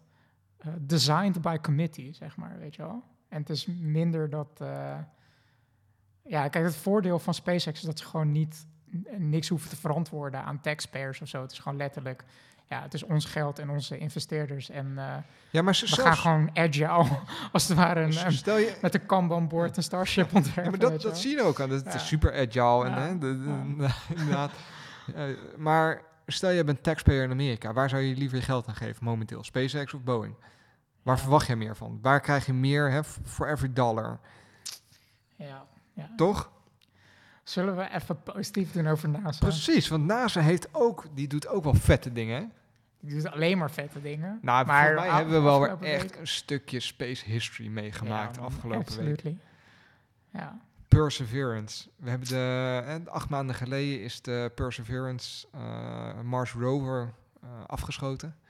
Vanaf eh, aarde richting, eh, richting Mars. Viel mij op zich trouwens mee. Ik dacht dat je langer onderweg was naar Mars. Maar dat ligt er ook aan waar Mars staat ten opzichte van de aarde. ja grappig is dat die dus eh, om de twee jaar ehm, is er een optimale launch window Ja. dat Mars het dichtst bij de aarde staat. Dus je ziet nu dat, oké, NASA die, die is nu geland, maar dus ook de, de Verenigde, hoe heet ze? De, Verenigde Arabische Emiraten. Emiraten, die hebben een, eh, een zonde afgestuurd. China heeft een zonde afgestuurd. Ja, je krijgt ineens heel veel nieuws over. Ja, ja, Ja. precies. Maar de, eh, oké, los van dat we er met een westerse blik naar kijken. eh, want super cool dat hun dat. Ik praat dan met zij. Wij zijn, wij. en, ja. Dat is niet de bedoeling, maar die van NASA, die, dat is wel echt peak engineering gewoon. Het is echt gestoord wat ze gedaan hebben. Nou ja, NASA heeft ook wel gewoon... Als we het over Mars hebben, dan denk ik aan NASA. Dan denk ik aan de, de verschillende Klopt, rovers waar, die daar ja. al geland zijn. Dan denk Ja. ik aan, kijk, een beetje een warm gevoel van curiosity. En Ja, van, weet je wel, dat is gewoon, dat is echt, Ja. echt- dat is space romantiek is dat een beetje, vind Over, ik ook. over, over landen op Mars Hm. is eh, NASA absolute expert. Ik bedoel, het is niet zo lang geleden, eh, twee jaar geleden, 2019, dat bijvoorbeeld ESA, eh, de European Space Agency, Mhm. een, een, eh, ook een rover naar Mars stuurde en die is gecrashed. Ja, het gaat Ja, ongeveer de helft van de tijd gaat het Ja. mis, hè? Ja. Als je alle, als alle Mars-landingsvaartuigen nu neerzet, dan ongeveer de helft gaat goed. Nu iets meer, want we hebben er weer een extra geland. Ja. Maar eh, nee, super vet. Dus acht maanden geleden heeft, heeft NASA, ik denk vanuit, vanuit Rusland, hebben die een. eh, ik weet eerlijk gezegd niet vanuit wel, vanaf welke raket. vaak schiet NASA vanuit Rusland, hè? Maar dat, dat weet ik ook Ja niet. maar, dat we, ja, maar dat zijn eh, astronauten naar de ISS. Ik, weet- ik weet nee, niet of de dat vorige, waar is. de vorige eh, rovers zijn ook vanuit Rusland Oké, geschoten. Dat, ja, sure. maakt ook niet uit. Ehm, Ja. Maar goed, die hebben dus dit ding richting Mars geschoten. En eigenlijk een, een, een manoeuvre die ze eerder al gedaan hebben met de, de Curiosity. Mhm. Die echt te bizar voor woorden is. je, als je het gaat uitleggen. Ja. Ideaal. Een soort van Ru- Rube Goldberg, Rube Goldberg machine Wat is in het Rube Goldberg? kwadraat. Dat is zo'n, ken je dat niet? Van die eh, eh, hele ingewikkelde machines die dan uiteindelijk een hele simpele task doen. Dus bijvoorbeeld Oh, een bij ei- Rick, and Morty. zo'n- de- een soort van ei openbreken in een pan bijvoorbeeld. En daarvoor valt er eerst een bowlingbal tegen ja, ja. eh, een ding aan wat weer iets anders aanstoot. Waardoor opeens een arm open gaat. Ja, of zo, ja. dat soort dingen. Ja, bij Rick and Morty heb je geloof ik dat ding dat, dat eh, suiker schept. Oh ja, dat zal, dat zal best. Maar anyway, ja. Maakt niet uit. Ehm, Dus-. Precies. En, en afgelopen week eh, was de livestream daarvan. En dat was zo... Het was, jij hebt hem bij Curiosity ook gekeken? Ehm, ik heb hem toen bij Curiosity had ik hem niet live gekeken. Toen had ik hem achteraf gezien. Ik heb hem ook achteraf gezien. En eh, ik. had hem echt volgens mij een dag daarna gekeken. Ik weet niet meer waarom. Maar eh, ik kan me wel... Ik, dat filmpje van dat, dat ze soort van live... die tenminste de data binnenkrijgt van elke stage. Want Mhm. eigenlijk heel kort... eh, eerste stage, gaat de dampkring... vliegt hij in met de snelheid van een kogel. Of, eh, of eh, Zeven nog keer de snelheid. de Zeven keer de snelheid, ik wou net zeggen, zeker de snelheid van de kogel. Met een hitteschild erop. om eerst gewoon kaart af te remmen tegen de dampkring. Net Ja. zoals we het net ook Ja. over hadden met, Tegeltjes. met de shuttle. Hier zijn het geen tegels, maar echt gewoon een groot schild.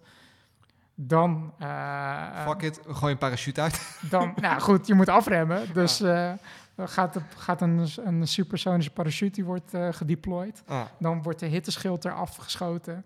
Gaat er een fucking hovercraft ja. contraption, die, die vliegt uit de rover, zit dan in een soort kooi met, met eh, vier raketten eraan, Ja. die, dan, die hem dan gaan Weet hoveren naar weet een je waar we aan denken Ja. altijd? Van, van die, je hebt het wel eens altijd, altijd op, op vakantie naar de zon bent of zo. Dan heb je altijd van die gasten die dan met aan hun voeten van die grote waterspuiten en Ja, dan boven ja, ja, het water zo staan. jetpack, ja. Precies, en altijd heel hard flikken. Daar deed het me een beetje aan Het is een beetje zo'n jetpack, inderdaad. En dan, als dat nog niet genoeg is, dan gaat de jetpack die... die Want die jetpack wil je niet laten landen, want dan creëer je zoveel ruis Ja, en, dan ga je en ruis en dan maak je alles kapot. Ja, precies. Dus die jetpack, die moet op 20 meter boven de grond. 20 meter boven de grond nog hoveren. En dan gaat er een soort hijskraan... Met de hijskraan wordt eh, Dat takelen de rover rustig naar de oppervlakte gehesen. Ja. Ge- of eh, eh, hoe zeg je dat? Ja, getakeld. getakeld. Ja. En dan, eh, als hij op de grond is, dan worden de kabels doorgeknipt en dan vliegt de jetpack. Altijd Eh, richting het eh, noorden. Ja. ja. Vliegt die, Ja. Is dat zo? Ja. Altijd naar het noorden? Ja, eh, Oké, dat anyway. eh, zeiden ze tijdens Ja. de stream. Dat ze weten niet of hij naar de voor- of de achterkant gaat, maar hij is altijd richting... Maakt ook niet maar uit. goed, dit is dus nodig om van zeven keer de snelheid van een kogel binnen zeven minuten tot stilstand te komen. Dat is echt een Ja, en wat dus ook insane. nogal lastig is, is dat het moet geautomatiseerd. Je kan niet bijsturen. Je kan niet zeggen, eh, doe even iets anders. Eh, want je hebt time lag, hè? Dus Ja. de snelheid van het licht dicteert dat je 11 minuten heen en 11 minuten terug. Dus als jij een command stuurt, dan heb je two-way time lag. Dus dan stuur je commando van doe dit. Dat duurt 11 minuten voor het aankomt. Ja. Dus pas 11 minuten later ontvangt jouw landingsvaartuig ontvangt die boodschap. Nou, Ja. je weet dan niet waar die is. Überhaupt de informatie die jij had was al 11 minuten oud. Dus je, hè, je stuurt een commando op basis van 11 minuten oude informatie, die vervolgens pas over 11 minuten aan. Dus dat is 22 minuten Het is gewoon een beetje... later is die daar. Dan krijg je nog krijg je, hè, reactie terug of het goed is gegaan of niet. Dat duurt ook weer 11 minuten. ja. Dus dan ben je, nou, dat is Het is echt gewoon Call of Duty spelen met een ping van 22 minuten. precies. precies. Ja. Dus het moet allemaal geautomatiseerd. En dat Ja. is, ehm, nou, dat was echt, ze hadden een livestream daarover. Dat hadden ze wel weer gelikt aangepakt. Hè? Dus het was, eh, eh, volgens mij kijkt NASA ook goed om zich heen. Hoe SpaceX dat doet, hoe anderen. en Want het wordt steeds meer echt een, een productie. Ja. Dus er stonden Ja. daar een aantal, eh, aantal knappe dames stonden dat te hosten. Ja, nee, zo was het toch? Die, die, die, die, die waren de host en die waren aan het vertellen. Die waren het woord aan het geven aan iedereen. En dat was, vond ik, erg slecht bekeken. Ik zag op een gegeven moment dat er eh, 1,2 miljoen mensen aan het kijken waren. Nou, dat zijn een hoop mensen. Maar ik denk dat Boulevard op zaterdagavond meer mensen trekt, zeg maar. Nee, dat ze- ze- zegt toch iets over de staat van de wereld, toch? Ja. Dat is enigszins Oh my jammer, vind ik dat altijd. Maar goed. Ehm, dat was echt vet. Want ze, ze wisten ook van alles te vertellen over die rover. En je kreeg er ook... eh, en Ik vond het oprecht echt leuk om te kijken. Het was anderhalf uur. En, je, je eh, kreeg heel erg het idee van... De gasten die dit gemaakt hebben, zijn ook maar mens. Dat vond ik heel fijn. Hè? Dus dat ze... Ze kunnen fucking... Ja, je krijgt, de emo je krijgt de emotie mee van, van... Ik bedoel, en dat snap ik ook. Je hebt zes jaar lang, zeven jaar lang heb je eraan gewerkt. Je zag in En, een van die, eh, eh, van die voorfilmpjes zag je ook eh, dat hè, ze hadden daar gewoon een kaart van de landing site waar ze moesten landen. En dan had iedereen had gegokt waar die ging landen. Daar hadden ze nog wat op ingezet. En je leerde tijdens die livestream dat tijdens iedere landing van een rover, en dan is er altijd een pot pinda's aanwezig. Want het ging altijd mis tot ze een keer een pot pinda's hadden en toen ging het goed. Dus hè, ze zijn niet heel bijgelovig, maar sindsdien hebben ze altijd een pot. Traditie, traditie. Ja. Dat soort dingen, dat, dat, Ja, maakt mooi, het even, Ja. dat, maakt het smeuig, dat maakt het leuk om te kijken. En als, het dan, als je die ontlading ziet als dat ding op de grond staat, dat is echt, dat vond ik echt, echt heel vet. Ja, het is gewoon echt een insane major achievement. Wat ik zeg, gewoon peak engineering. En ja, het is gewoon, gewoon vanuit meerdere aspecten gewoon zo bizar. Alleen al dat duizenden mensen eh, ge- gecoördineerd moeten worden om zo'n machine te maken. Eh, miljoenen regels aan, aan code die, die getest moeten worden. Elk onderdeel moet apart. De parachute wordt in een gigantische windtunnel getest. Eh, de wielen worden getest, hoe, hoe ze vallen op een rots. En, en dat moeten ze allemaal apart testen. En op een gegeven moment, je kan het niet echt testen, zeg maar. Je kan het alleen maar één keer voor het echtje doen, als het ware. Nou, ze hebben er wel twee gemaakt. Dus eentje die is helemaal in een... Want wat ze absoluut niet willen is dat... Want deze missie gaat meer dan andere missies voorheen ook over het zoeken naar eh buitenaards leven.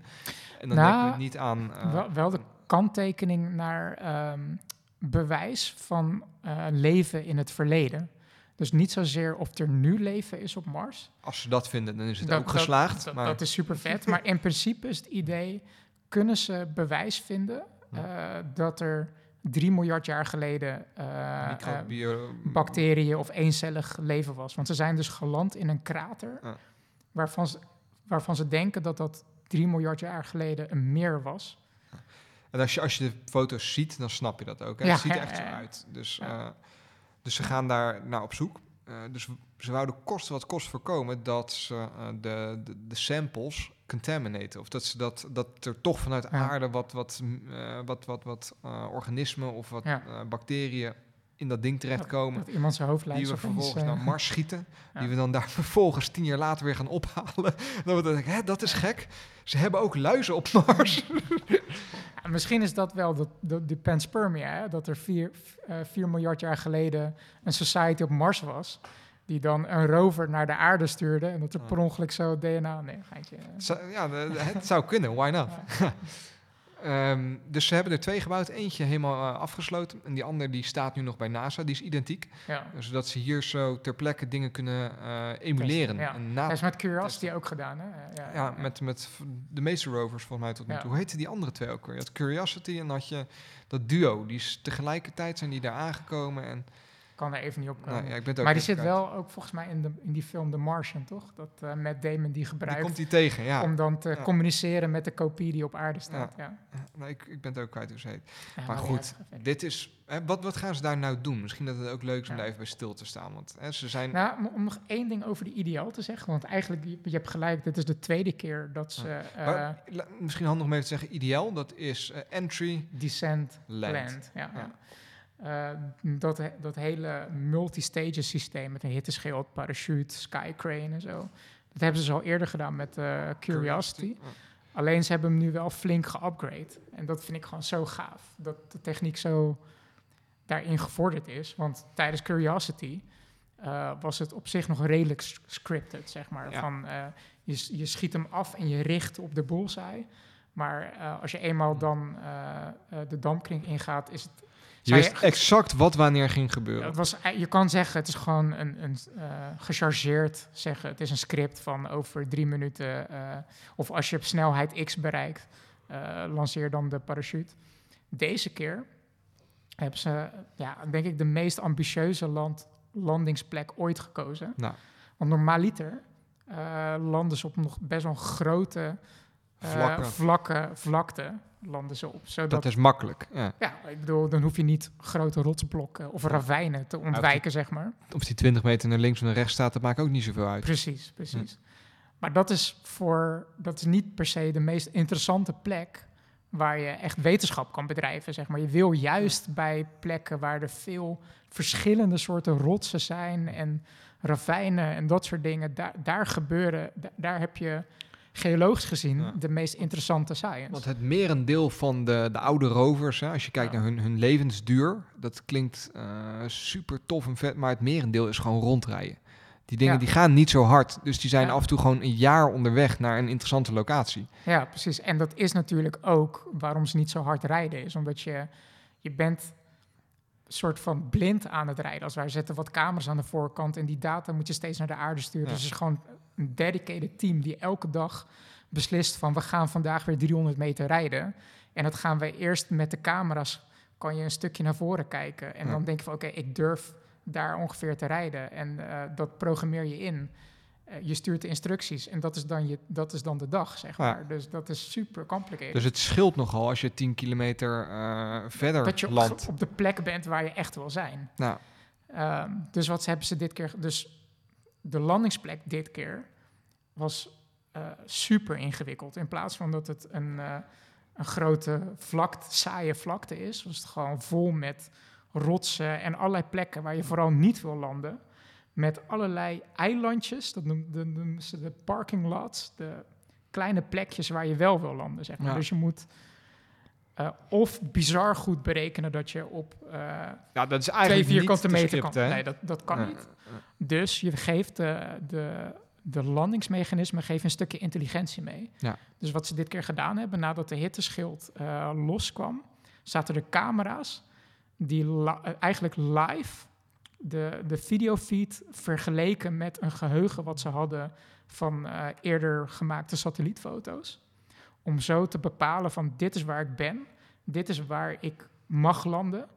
En dan gaat hij op basis daarvan berekenen van oké, dan moet ik de parachute eh, eh, afschieten, dan moet ik gaan hoveren en ik moet daar naartoe vliegen om daar de skycrane. Hij kon het ook, ook bij eh, denken, hè? Dus Ja. Dat is echt insane. Dat is Ja. echt ongelooflijk. Hm. En dat vond ik zo vet. En ik weet nog, toen ik, toen, toen ik die livestream keek... op een gegeven moment werd, zei eh, een van de controllers die de data binnenkreeg... eh, The computer has found a viable solution. Ja, ik kreeg kippenvel van dat Hm. moment. Want toen, toen, toen had ik echt het gevoel van... holy shit, dit gaat lukken. Want dat, dat is maar de vraag, van dat, de, dat de computer überhaupt... Misschien krijgt hij wel allemaal errors van... ik kan geen, geen eh, eh, berekening vinden van... als ik dan de parachute eh, lanceer, dat ik dan daar Ja. kan landen of zo. Je hebt geen idee. Dat is iets wat ze niet echt hebben kunnen testen. Ze hebben het, Je kan het honderd keer kan je het in een, in een je, kan, sandbox. je kan het simuleren. Ze hebben bijvoorbeeld met een helikopter... hebben ze de software gedraaid met de camera's... als ze, als ze dan zelf over een landschap eh, vliegen van... oh ja, hoe, hoe werkt die image detection en dat soort dingen. Maar de- je kan dus maar één keer voor het, voor het echt doen. En dat was echt zo'n vet moment toen dat gezegd werd. Toen dacht ik van, damn. Super vet. En dat ding staat nu dus op, eh, hè, op Mars. Dat staat ergens in een, eh, een, een oud meer, dus een krater van een meer. Jezero Crater. Jezero Ja. Crater. En dat is een interessante plek, omdat daar ook een, eh, een rivierbedding hè, uitmondde in dat meer. Ja, een, een delta. En eh, ja, je ziet echt inderdaad dat er een ingang is vanuit wat lijkt op een rivier met een delta, de, de krater in. En dan aan de andere kant gaat er weer een stroom verder. Dus er was echt een soort van Doorloop. doorloop. ja. Ja. En daar staat dat ding nu dus. En eh, we gaan een aantal, aantal dingen gaan we doen met die rover. Eh, dus we gaan als eerste... Dat is voor mij de eerste missie die we nu gaan doen. Er zit nog een extra dingetje in die rover ingebouwd. En dat is de... Ik ben heel even de naam kwijt. Ingenuity. Ingenuity. Ja. En dat is een helikopter. Ja. Dat is eigenlijk een drone. En eh, nou, die hebben we al een tijdje. We hebben een DJI hebben we erop. nee. nee, ja, je, je Ja. moet op Mars vliegen. En je, eh, dat is toch even anders dan hier vliegen. Eh, de, de, de, de luchtdichtheid is daar anders. Ja. alle, alle omstandigheden Ja, daar zijn veel anders. eiler. Dit is wel een dingetje. Dus we gaan nu voor het eerst zelf vliegen op Mars. Ja, ze noemt dat een soort van Wright Brothers, Wright mo- moment. Ja, Ja, precies. En daar, eh, dit is puur een proof of concept. Als in, we hebben dit ding gebouwd, we denken dat die gaat werken, we gaan het testen, we gaan hem een keer of vier, vijf laten vliegen. Ja. Er zit een camera aan boord, we willen wat toffe shots maken. Eh, hè, een beetje space popularizen, Ja. populair maken. Ik krijg straks drone shots van de, van de oppervlakte van. Precies. En eh, je weet toch, als je, als je nu een, eh, een eh, hoe heet het, zo'n DJI drone hebt, dan zit er een stukje software in die kan jou volgen terwijl je aan het snowboarden bent Ja. en zo. Zou dat daar ook op zitten? Dat nu de, de rover altijd dat ding achter zich aan heeft. Ja. nou, hij, kan ongeveer vijf, vijf vluchten, geloof ik, maken. En- Ja, dat weet ik. Er, ja, je weet nooit wat er. ehm, wat ze in de toekomst eh, nog meer kunnen doen. Hè? Want het Nee, gebeurt wel eens vaker dat ze bijvoorbeeld... ze Ja. hebben een plan bijvoorbeeld voor een jaar voor een rover... en dan blijkt dat de rover nog, nog werkt. Ja, waarom Ja. zou je dan stoppen? Weet je wel? Ga gewoon door. Want in Eh. principe heeft deze ehm, drone ook gewoon zonnepanelen... en kan zichzelf opladen. Dus het is niet eh, als, alsof dat straks de accu leeg is... dat je hem niet meer kan dat hij gebruiken. het niet meer doet. Nee. Ehm, dus dat is objective 1. We gaan flink in de grond boren. Ehm, Dat is, ja, nu heb je het dus niet meer over de. Nee, sorry, Ja, ik ga ja. van de hak op. Ik was Ja, gewoon even aan het, hè, in het kader van de tijd ook, Ja. Ja, we hebben nog eh 20 minuten. of voor de avondklok. Wou ik even de, Wat- de verschillende objectives opsommen. Even kort nog, wat wel vet is van, de, van Ingenuity, die helikopter. Mhm. Die draait, eh, eh, tenminste, ze hebben daar een open source operating system. Linux? ja, man. Really? Hij draait op Linux. En, en ze hebben het wel gecustomized. En ze Ja. noemen het ehm, F-pound, of zo, F met een ap apostrof. Ja. apostrof. En die staat gewoon op, die, die software staat gewoon op GitHub. Serieus? Dus als jij een, eh, een, een, eh, een drone helikopter wil bouwen die op dezelfde flight software eh, draait als de Ingenuity die op Mars gaat vliegen, dat kan. Dat is super vet. Er zijn sowieso al do-it-yourself projecten Ja. die, die dit aan het doen zijn. Ja, dat vond ik zo vet. Het is ook gewoon de eerste, eh, volgens mij voor het eerst dat NASA zo'n software eh, ehm, pakket eh, open source heeft ontwikkeld en open source heeft vrijgegeven. Dus Super dat is gewoon, vet. ja, wil ik even benoemen. Dat ja, dat vind ik ook echt ja. tof. Ja. Maar dan, dan gaan mensen nu dus dit, dit systeem downloaden. Die gaan er allemaal bugs in vinden. Ja. NASA, ding gaat ontploffen. Ja. Vet. Ehm, dus dat is, dat is de eerste, eerste objective. Wat heel belangrijk is tijdens deze missie, we gaan dus flink in de grond boren. Omdat eh, hè, als we een- op zoek willen gaan naar tekenen van eh, oud leven of Mhm. eh, van, van oude organismen, ja, die ga je waarschijnlijk vinden ergens in de, de roklaag of de, de steenlaag Ja. die, die in zo'n rivier zit. En sterker nog bij zo'n delta. Dat zijn, hebben we op aarde gezien, plekken waar je waarschijnlijk heel vroeg leven gaat aantreffen. Dat is Mhm. waarschijnlijk op aarde ook de plek waar het leven ontstaan is. Ja, dat weet ik niet. I don't know. Want dan Ja, zit je ook weer met, eh, met eh, eh, de diepe oceaan bodem, zeg maar. Met die... Ah, ja, met die kokertjes. Ja, en, ja, precies. Ja.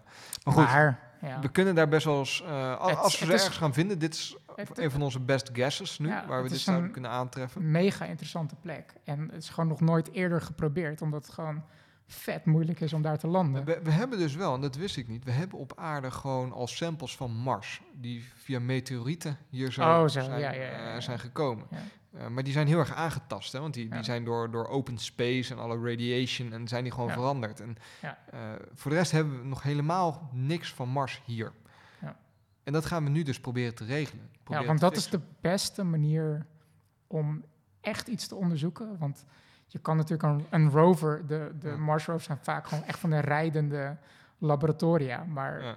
de beste laboratoria is gewoon hier op aarde. Ik wil Dus het toch we- even in handen hebben. Ik wil het ja, toch even ja, voelen. we toch even. Dus, eh, dus, dus wat deze rover gaat doen. Want wil je zeggen dat het gewoon de excuus is van de scientist? dat ze gewoon bij tegen Congre- Ja. Congress zeggen van... eh, ja, ik heb 2 miljard nodig, want ja, ik moet het gewoon, ik moet het gewoon in mijn handen Ik hebben. wil het gewoon even, even vasthouden. Ja, Ja. Ehm, dus Ja, dat, maar eh, het is dus de, de- in principe is dit de eerste fase van de Mars Sample Return operatie. ja. Heb je dat die- helemaal uit je hoofd geleerd Ja, allemaal? Die, eh, die uiteindelijk eh tien jaar gaat duren. Dus dit is fase 1, een, een eh, rover landen met een boor die... eh, eh, In de grond gaat boren. en dan ko- gaat kokers, gaat uitpoepen. Ja, precies. Dat gaat hij vullen. En dat is ook wel tof, want er zit dus een bewegende arm aan de voorkant van die rover. Die gaat boren. Maar ook in de rover zelf zit een bewegende arm die die tubus heen en weer haalt. En Ja. labelt en eh et cetera. Goed afsluit. En, Ja, en dan vervolgens uitpoept. Ja, en dan uitpoept. Ja. Echt letterlijk dat. Ze worden achtergelaten op het oppervlakte van Mars, want deze rover kan er niks mee. De Anders dan ze scoop, verzamelen. wat is de poop, scoop en shoot manoeuvre? Not an official NASA name. ja. Ja. En eh, ja, dan Ja. De, de, de volgende, misschien het leukst om deze even af te maken. hè, Want Ja, hoe ziet ja. het tienjarige plan er dan uit? Want jij hebt hem volgens mij voor je neus. Ja, dus nu eh, is dus fase 1 is geland. Eh, Perseverance die dus de samples gaat eh, verzamelen als het ware. En die laat ze dan letterlijk in kokers op de vloer achter. Die kokers zijn een van de meest schone dingen die we ooit gemaakt hebben op aarde. ja, Vrij van, ja tuurlijk, die moeten helemaal vrij zijn van alle bacteriën en wat dan ook. dus gewoon 20 minuten met handzeep. Of ze, net als om COVID eh, eraf wassen. Zo, ja. Ja. Ja. De volgende fase is in eh, 2026. Eh, eh, dat is een gedeelde missie, dat is wel leuk, tussen NASA en ESA. European Space Agency. ja. Ja. Dat is de, de scoop en shoot fase. Dus dan gaat er een rover van eh, NASA op een NASA-raket. Die gaat dan naar Mars. En dus, dat is gewoon een robot die dan eigenlijk de, de samples gaat zoeken Ja. en op, ophalen. Ja. En dan heeft hij een soort basisstation. station. Poepzuigen Ja, ja, ja. En dan heeft hij een basisstationnetje. Dus als hij al die samples heeft verzameld, Ja. dan eh, rijdt hij terug naar zijn basisstation waar een mini-raket op staat. En dan, dat is echt bizar dit. Dan laat hij de samples in het raketje. En dan eh, schiet hij dat in een orbit rond Mars. Dus dat wordt de eerste als Elon Musk en SpaceX niet eerder is. Ja. Wat ik betwijfel, by the way. Gaan ze niet Eh, redden. Nee, dat gaan ze denk ik niet redden. Ehm, dat zou dan de eerste raketlancering worden vanaf Mars. Dus weer terug de ruimte in. Ja. En eh, wat wel gaaf is dat de arm die eh, de samples gaat verzamelen, die wordt ontwikkeld door ESA, door Europa. Ja, dus door een dat- Belg, zei jij, hè? Ja, ja, dit is ook een gast die ook eh, meegewerkt heeft aan de arm die nu op de Space Station. Dus als je hem in de kroeg tegenkomt en je vraagt, wat doe je? Dan oh, ik maak armen. ja. ja, super cool. Dus dat is eh, eh, eh, in 2026 en dan 2031, dus over tien jaar. Dan gaat een ESA-missie, dus een ESA-raket met een orbiter, die gaat dan naar Mars vliegen en niet op Mars landen, maar die gaat die sample die dan rond Mars zweeft, Mhm. die gaat hij dan opvangen en weer terugvliegen naar de aarde. Van waar lanceert ESA? Is dat Madrid of, of. Spanje of zo dan? Of? Nee, ik weet niet of dat in Europa is hoor. Volgens mij lanceren ze eh, ook ergens wel een noordelijke halfrond. Nee, vraag- maar hem ik heb gewoon er af, Geen, want- geen idee, geen idee.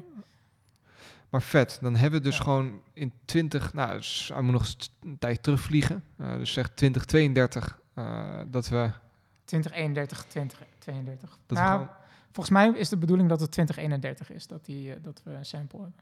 Echt? Oh, want Ja. dan moet je daarvoor, hè? Want het is acht maanden vliegtijd. Dan Ja, dus het, zou, het zou best kunnen dat die 2030 lanceert. Je zit ook nog met je 2031 terugvlucht, hè, dat je misschien je perfect window alweer kwijt bent eh, van de, de tweejaarcyclus. Nou wat, wel nou, wat wel grappig is, is dat ehm, die missie, daar hebben ze een. eh, eh, of is dat de missie daarvoor? Nee, ze hebben wel een harde deadline van 20 2028. Ja. Want er is een eh, eh, unieke, ja, unieke situ- er is een situatie komen. want Normaal gesproken heb je om de twee jaar heb je een optimaal moment Ja, dat je naar Mars kan lanceren. Maar vanaf 2021 gaat die regel niet op. Vanaf 2028 heb je een space van zes jaar tot 2034 dat Mars niet meer zo dichtbij komt als normaal. Serieus? Ja, dus ze moeten eh, eigenlijk alles lanceren. Mars maakt even een ommetje dan. Ja, I don't know. Dus eh, ze moeten voor 20. Dus het zou ook kunnen. Kijk, ik bedoel, het is ook niet. Ik kan me voorstellen dat, ze, dat het ook niet zo is dat ze een, eh, eh, een raket acht in acht maanden tijd naar Mars sturen. Dan, oh, daar is een sample. Vangen we even op en vliegen gelijk weer Nee, even precies, terug. Ik bedoel, dat is ook nogal een operatie om, Kiss and ride. om, om een, ja, precies, om een, om een cilinder even Ja. op, Ja, op te scoopen, als het ware, uit een orbit van Mars. Dus ik kan me voorstellen dat ze denken van, joh, laten we even de tijd Laten we daar de tijd voor nemen. Dus het, ehm, eh, ja, dus volgens mij lanceren ze eh 2028 en is de bedoeling dat ze ergens in 20, in ieder geval is het idee dat 2031 dat we een sample terug hebben van Mars. Vet. Ja. Dat, dat lijkt heel lang, maar dat is helemaal niet zo lang. Dat is tien jaar. Dude man, dan zijn we echt oud over tien jaar. Dus dat is de tweede objective. Ja. En de derde objective, die ook eh, ontzettend eh, belangrijk is, is dat ze gaan kijken of ze eh, zuurstof. Is zuurstof de goede term? Of moet het, Ja, ja, ja, ja, hè? dat ze zuurstof kunnen gaan maken op, op Mars. ja, ja. Ah, dat is vrij essentieel voor menselijk leven. Als wij ooit hè, Ja. Multiplanetary willen worden op Mars, dan is het wel belangrijk om even te testen hoe we dat dan doen met zuurstof Mhm. en zo op Mars. Dus dat, eh, dat wordt ook wel een dingetje. Hoe gaan ze dat dan doen? Weet je dat? Gaan ze gewoon zuurstof maken en dat in de atmosfeer spuiten en dan kijken wat het doet? Of wat? eh, Goeie vraag. Kijk, er zit, een, eh, er zit dus een, een, een instrument op de rover, die heet MOXIE volgens mij. En MOXIE is dan weer een afkorting voor iets. Moximetti. Ja, ja. Oh, dude. Oh, hou op. Mijn buik begint meteen pijn te doen. maar, eh, en dat kastje, eh, die gaat dus zuurstof proberen te maken. Dus het is eigenlijk een, een experiment Ja. van kan dat kastje met de middelen op Mars zuurstof genereren. Dus ik, dit is gewoon mijn speculatie, ik heb geen idee. Ik kan me ergens voorstellen dat ze gewoon dat gaan meten van kan die zuurstof Ja, maken? Loopt er Meet- zuurstof langs meet die zuurstof? X? Ja. En hoeveel en hoe werkt dat, zeg maar?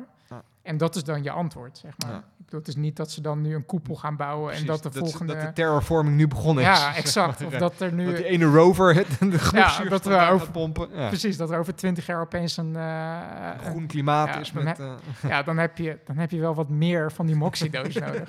En dat is wel grappig, want dat is dus ehm, in het boek van Kim Stanley Robinson, eh, Mars One. ja, Nee, niet Mars niet One. Mars. One. Red Mars. Mars... Mars. Waarom zeg ik Mars One? Oh. Bas. Hou op.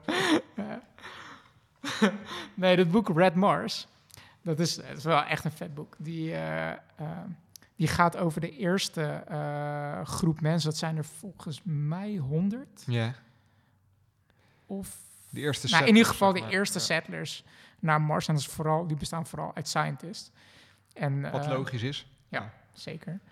En die gaan dus ook eh, eh, in dat boek Mars Terraform. En hebben ze dus, gaan ze dus de, de, de oppervlakte van Mars echt bezaaien met allerlei turbines die dan gemaakt zijn, volgens mij door Boeing of door. Nee, door Lockheed Martin. Oh, Ja, maar, ja. ja. Ja, Ja. Door Lockheed Martin, die dan, dat zijn gewoon zuurstofmachines en, Ja. en dat soort dingen. Dus dan, dat is wel echt een flinke operatie om dat dan te gaan Ja, nee, je moet, dat, dat is het een beetje. Hè? En daarom hebben we die, die raketten van Elon ook heel hard nodig. Waar we gewoon Ja. wat meer shit mee naar boven kunnen sturen. Want als je daar iets wil gaan betekenen, dan moet je echt wel kilo's daarheen gaan Nou, eh, dat pompen. dat is, dan komt, daar zeggen dus iets. Elon Musk die moet.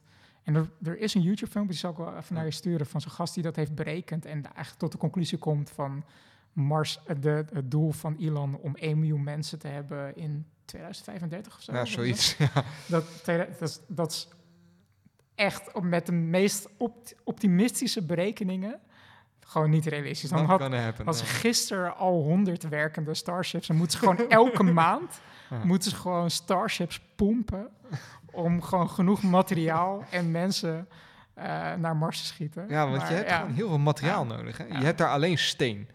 Je hebt, je hebt wel bouwblokken, maar je, Ja. je, kan niet zeggen, "M- mijn, eh, mijn mesje is kapot, ik ga even, ja, ja, ik, even, even een nieuw snijmesje maken of zo. ja, Dat, ja, precies.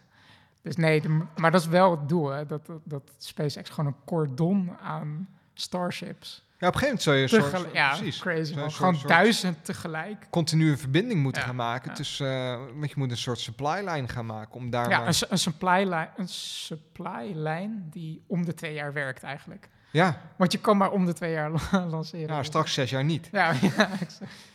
Dus, eh, nee, maar... eh, ja, maar ja, ter terraformen. ooit Ja. gaat gebeuren, Mars geterraformd worden. ja, dat was dus het ding. En we hebben eigenlijk bijna geen tijd meer. Maar wat ik gewoon eh, vet vond in het boek Red Mars... is dat op Mhm. een gegeven moment eh, in dat boek ontstaat er een discussie... tussen eh, meerdere scientists. En er on- eh, ontstaat eigenlijk een beetje dat conservatieve versus progressief. Dan heb je dus een groep wetenschappers die super progressief zijn van oké, Mars gaan we terraformen. Eh, over eh, onze volgende generaties, onze kinderen, die leven op een planeet met, met oceaan en groen. En die kunnen gewoon normaal buiten lopen. En er is een groep wetenschappers die dat eigenlijk een soort van, ik wil bijna zeggen, een godslastering vinden. Dat dat arrogant is van de mens bijna, omdat te, dat ze zeggen van dat, dat gaan we doen. Eh, en, en dat ze. eh, Dat het eigenlijk arrogant is dat wij vinden dat we het recht hebben om Ja. een planeet die hè, op, op zich, ja, niet van ons, dat klinkt zo gek, maar iets ja, hè, wat, wat al Zijn eigen jaren- geschiedenis heeft, jaren ja. bestaat, om dat even te gaan veranderen. ja, precies. En, en ehm, die, die, ze zeggen dan ook van ja, je ontneemt daarmee ook de volgende generaties om wetenschap te bedrijven over de geschiedenis van Mars en zo. Weet je wel? En ik zal wel eerlijk bekennen, toen ik het boek las, irriteerde ik me echt kapot aan die mensen. Nou. Die, die conservatieve denkbeelden, zeg maar. Maar ergens, als ik daar dat probeer los te laten, mijn eigen gevoelens, kan ik me ook ergens wel voorstellen eh, waar dat gevoel vandaan komt. En, Ja, en als we dat voor, als we een voorbeeld nemen van dichtbij, we, heb- we zijn nu allemaal gewend aan eh, hoe de volle maan eruit ziet. Maar stel dat we over 50 jaar dat de maan helemaal vol zit met allerlei steden en er gewoon ziet als één grote Manhattan met allemaal lichtjes, dat is Mhm. wel echt significant anders, zeg maar. En dan eh, kan je zeggen van ja, je ontneemt de, de, toe- de kom- toekomstige mens het zicht van een kale, volle, eh, natuurlijke, volle maan, zeg Ja. maar, weet je wel. Maar zelfs dat is nog een beetje egoïstisch gedacht, hè? Want dan heb je het over, je ontneemt ons als mensheid, ontneem je iets. Ja, Terwijl als je hem helemaal, of als je nog verder pakt, wie denken wij überhaupt dat we als mensheid zijn, dat wij het alleen recht hebben om maar voor andere planeten helemaal anders te gaan, ja, ja. Maar goed, het, het, hoe dan ook vind ik het altijd ergens een beetje arbitrair. Eh, want neem eh, een, voor, een voorbeeld als Manhattan, weet je. Voordat Manhattan was gebouwd, was het ook waarschijnlijk een prachtig natuurgebied. Maar dat is gekoloniseerd door de Hollanders. En eh, het is nu een Ja, eh, metropolis precies. van en- Manhattan. En, nu gaan we op random plekken op de aarde cirkels trekken van... eh, ik zeg random, het is niet echt random, maar we trekken cirkels op de planeet van dit zijn Nou ja, natuurresultaten, en volgens mij heb je het ook een beetje over schaal. Want Ja. als hè, diezelfde scientist, als die morgen naar buiten loopt en hè, iedere voetstap die zij zet op aarde laat ook een afdruk achter. Ja. En iedere eh, scheet die ze laat, die doet ook. Dus, snap je? Dus je bent Ja. constant bezig met, met veranderingen aanbrengen. Nu kom je echt op een Maar op het moment ja, dat je het ja. op een planeetniveau doet, dan is het ineens, hè, want dan zijn we echt keuzes aan het maken. Maar kijk je nog groter, ja, wat de fuck is Mars? Ja, ja, ja, ja. Ja, dat is ook maar een speck of dust in de.